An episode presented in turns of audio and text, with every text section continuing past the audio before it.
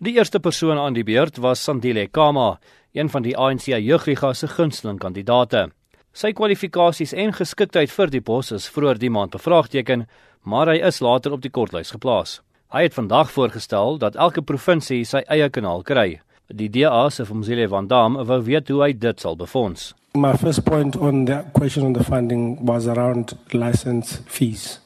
So your answer is uh, to, in order to fund the SABC, we need to make sure we collect license fees. Better, collect them better. And you think with those license fees, uh, you'd be able to cover the costs that the SABC requires to run? I think so, ma'am. Do, how, how is the SABC's funding model structured? Where does it get most of its funding? It's advertising, sponsorship, and airtime. What percentage is uh, TV licenses? 65%. No. Uh, it's a very, very small percentage. It gets the bulk of its funding from uh, advertising. So increasing license fees doesn't really make uh, that much difference in uh, the SABC's bottom line. 'n Voormalige SAIK raadslid, Rachel Kalidas, is in 2015 van die raad verwyder, 'n skuif wat destyds deur oppositiepartye as onwettig beskryf is. Sy is vandag uitgevra oor waarom sy toegelaat het dat dit gebeur en hoe sy die probleme binne die raad probeer aanspreek het. Die EFF se Mboyeseni Ndlozi wou weet waarom dinge in die SAIK skeefgeloop het wat redaksionele beleid betref.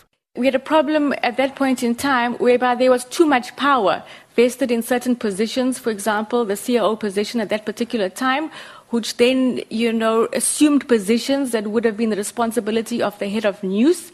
That actually restricted the independence of journalists. There was interference in the, in the newsroom through, through that executive in particular, um, which is a specific reason why I did not support that appointment. I think it vested with certain individuals as opposed to a policy that was applied. It was by virtue of wrong leadership. Kalidas het ook idees oor hoe om die SAIK se kontantvloei probleme op te los. I think one of the challenges around license fees is the collection. For example, um, if I look at the prior year, it's about 1.9 billion that is recognized, but then about a billion rand that is then derecognized. So I think that's a substantial amount. And the reason for that is because of the database as well as the collectability. You would have um, license fees paid when, uh, when a TV is bought, but subsequently the audience would not keep up with those license fees. You have postal addresses that are sometimes incorrect. You know, you, you, you don't have that follow through in terms of being able to enforce collection. So I would be able, I think I would start off by reviewing the credibility of the database to review the model to ensure that it's more sustainable in the long term.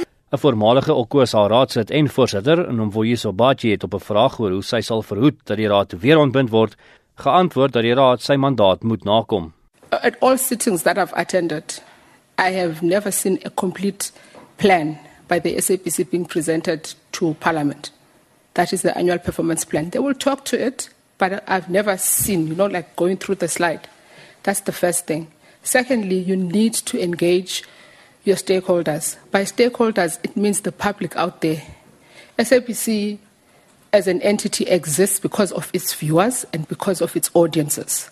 It does not exist because of any other thing.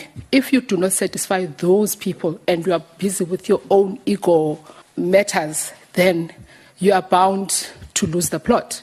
Die partye het Bachi skerp vrae gevra oor beweringe dat die voormalige minister van kommunikasie, Faith Mutambi, haar wou beïnvloed deur haar die posisie van voorsitter van die kommunikasiereguleerder aan te bied in ruil daarvoor dat sy 'n televisie-uitsending lisensie aan die Gupta beheerde televisiekanaal gee. Just recall what was what was happening on the day I received the letter. Because I received the letter sitting at a conference at Santon Convention Center. I never met with the minister. It came from her office. Whatever that was discussed, that was appeared in the newspaper, it was not discussed in my presence. Because I even said so even to, to, to the journalist when, I, when he phoned me and says there's a source that said you were. I said, no, you can check your records. I was at a conference. However, the letter, when the letter came out, it came on the eve of the cabinet reshuffle of December, and that is that's the only reason I can I could think of. I never, at that particular point, thought it was otherwise. I had no condition attached to the letter. Die laaste 5 kandidate vir vandag sluit in Harriet Meyer, Victor Rambau en die voormalige SAIK raadslid Krish Naidu. Ek is Justin Kennerly vir SAIK nuus.